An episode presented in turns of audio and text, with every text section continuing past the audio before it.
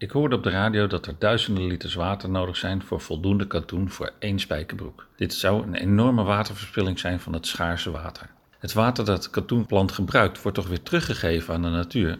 De wereld wordt er dan echt niet mooier op. Zeker niet als we allemaal in ons blote kont lopen. Alledaagse vragen.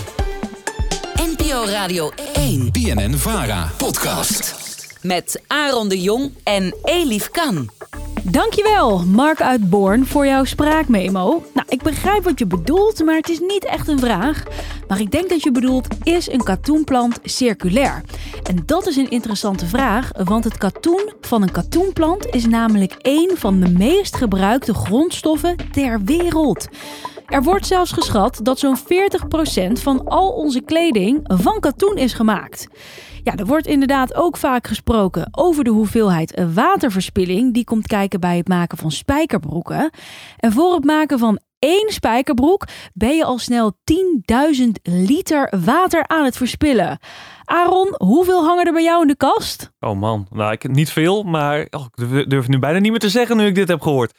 Eh, ik denk een stuk of vier. Nou, reken maar uit. Dat is al eh, heel wat eh, verspilling. Maar het is dus wel een relevante vraag, omdat de mens de grondstof van deze plant veel gebruikt. Nou, ik heb het voor je uitgezocht of de katoenplant dus circulair is. En deze vraag heb ik gesteld aan Rogier van Vught. Hij is hoofd horticultuur bij de Universiteit van Leiden. De katoenplant is circulair, de katoenteelt niet. Dus dat zijn twee verschillende dingen. En op zich kunnen we daar best mee, mee omgaan als we zuinig omgaan met het product. Dus dat wij zuinig omgaan met onze kleding en daar ja, respectvol mee omgaan. Oké, dus de katoenplant zelf is wel circulair, maar de teelt ervan niet. Ja, dat klopt. En wat Mark dus eigenlijk vraagt is het water van die katoenplant. Dat wordt gebruikt, eh, maar dat wordt dan toch ook weer teruggegeven aan de natuur. Dus dat is dan toch geen verspilling van het water? Nee, lijkt me niet. Nee, nou, eh, ik neem je even mee in dit proces. Het plant, dat neemt water op. Dat water verdampt. Die waterdeeltjes, die verdampen dan weer in de lucht. Dat wordt mist. En mist wordt weer een wolk. En dat wordt uiteindelijk regen. Nou, als het goed is hebben we dat allemaal geleerd eh, bij aardrijkskunde. Maar dit was even een eh, opheldering daarvan. Dankjewel. Komt al dat water, wat we dus aan die plant geven, weer terug als regen? Een gebied kan lokaal natuurlijk enorm uitdrogen. Er zijn gevallen bekend waarin hele meren werden leeggezogen om eh, de katoenplantages eh, voldoende water te geven. En dat, dat, dat water komt wel in de lucht terecht, maar dat landt niet meer in datzelfde gebied. Het, het komt niet meer terug in datzelfde meer.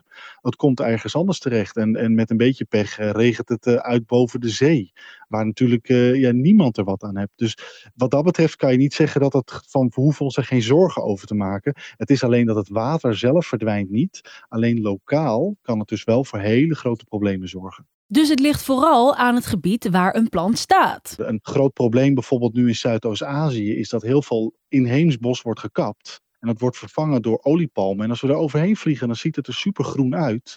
Maar oliepalmen verdampen veel minder water dan het inheemse bos. Wat tot gevolg heeft dat de, de natuurgebieden in de bergen er veel meer uitdrogen. En daardoor rivieren steeds meer droog komen te staan. Dus ja, de, de ene plant is de andere niet. En katoen is echt een plant die heel veel water gebruikt. En dus ook heel veel water verdampt. Dus dat zou je kunnen zeggen is eigenlijk wel een goede eigenschap van katoen. Maar aan de andere kant, ja, hoeven we dat per se in een woestijngebied niet te hebben. Want daar is dat gebied niet op gemaakt. Nou, ik moet toch zeggen, hoe ik dit allemaal hoor, misschien kijk ik toch niet meer zo fijn naar die prachtige jeans eh, die in de kast hangt. Alledaagse vragen. Wat heb ik allemaal in zitten? Skinny jeans. We hebben het net al even gehad over de spijkerbroek, maar waarom heet dat nou eigenlijk zo? Nou, eigenlijk is het antwoord eh, best wel simpel, want de allereerste spijkerbroeken die zaten met spijkers aan elkaar vast. Dat klinkt niet comfortabel. Dat klinkt zeker niet eh, comfortabel. Eh, in het begin sleten de broeken erg snel en de zakken die scheurden ook snel uit, omdat ze vooral werden gebruikt in de zoektocht naar goud.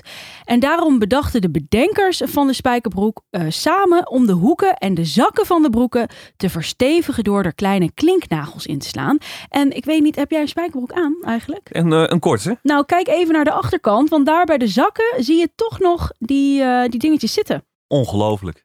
Gewoon historie in mijn broek. Dus Mark, jouw vraag is een katoenplant circulair? Het antwoord daarop is ja, maar wel met een aantal kanttekeningen. Het moet dus in het juiste gebied geplaatst worden en de katoenteelt is niet circulair. Nou, heb jij ook nog een vraag? Stuur ons even een DM op Instagram. Dat kan naar Alledaagse Vragen. Of stuur een mailtje naar alledaagsevragen.radio1.nl en dan zoeken we het graag voor je uit. Alledaagse Vragen. NPO Radio 1. BNN Vara podcast. Jeans. Jeans, mensen.